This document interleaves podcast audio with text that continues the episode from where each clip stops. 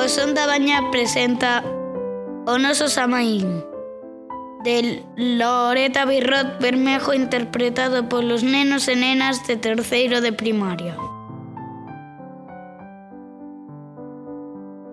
Benvidos a unha das noites máis especiais do ano. Imos a coñecer o Samaín, unha festa chea de magia, onde case todo pode acontecer.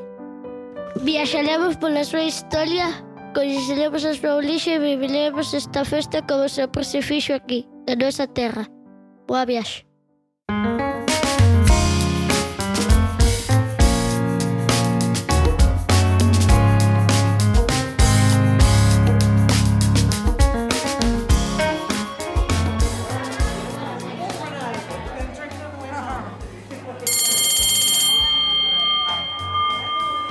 Hoxe na clase de Antón van ter unha xornada moi especial.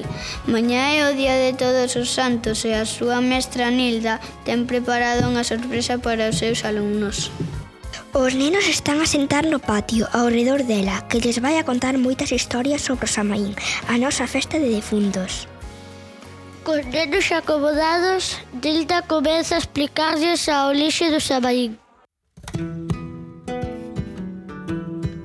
O noso xamaín provén dos nosos antepasados celtas. Os povos celtas dominaron a maior parte do oeste e o centro de Europa durante o primeiro milenio antes de Cristo.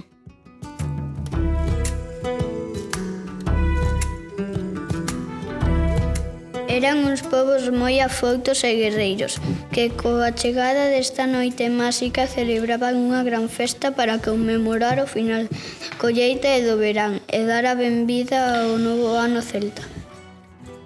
Era tempo de guardar provisións para o inverno. Os días iban ser máis curtos e as noites máis longas. E precisamente esta noite os celtas pensaban que as portas do Allen se abrían e que as almas dos mortos volvían para visitar as súas familias. Tiñan o costume de facer farois con nabos e carbón quente para guiar os espíritus vos de volta para a casa e espantar os malos, xa que estes farois lles outorgaban un certo poder de protección. Tamén lles deixaban víveres e roces fora da casa para que comesen algo despois da lonsa viaxe. Esta noite non era recomendable abrirlle abrir a porta a ninguén, xa que os trasnos e fadas vagaban a por polos bosques e aldeas. Se petaban na porta e era unha fada, terías un ano de moita fortuna. Porén, se abrías e era un trasno de desgraza caería sobre o teu fogar durante todo o ano. Aquí, no noso Samaín, antes de que se trouxese a cabaza de América, tamén adoitábamos valeirar nabos para facermos farois. Cada lugar tiña unha tradición de seu. Nas Rías Baixas, Porto Novo, Sanxenxo e Cangas do Morrazo chamanse calacús. Adornaban as cabazas cas espigas do maínzo, como se tivesen cabal, cabelo, mais non lle puñan luz. Pola zona de Seireira chamanse calaveiras de melón, que é como lle dinca as cabazas que aínda non están maduras e teñen un cor verdosa. Nas nosas aldeas existe a crenza popular de que cando os espíritus dos nosos seres queridos regresaban ao mundo dos vivos esa noite, traían moito frío do alén. Por mor diso, acendíanlles a lareira para se quentaren a rentes do lume na súa compañía. Hoxe en día esta festividade é máis coñecida pola noite de Halloween, máis ten a súa orixe no Samaín.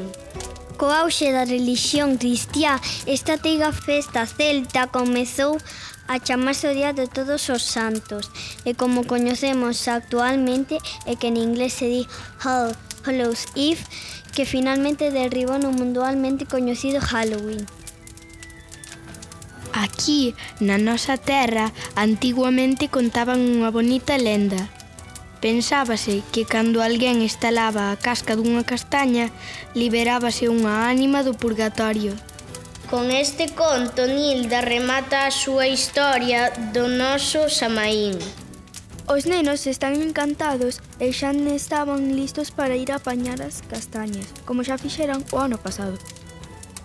Antón vai asasar na laleira da súa casa com, e comerá unha modeira dela. Pero o que máis lles gusta é estar coa súa familia ao calor do lume. Antón e a súa compañeira Zoe levan xuntos unha gran cesta e os dous, moi larpeiros eles, xa están a pensar no banquete que os agarda. Colorín colorado, este conto está rematado.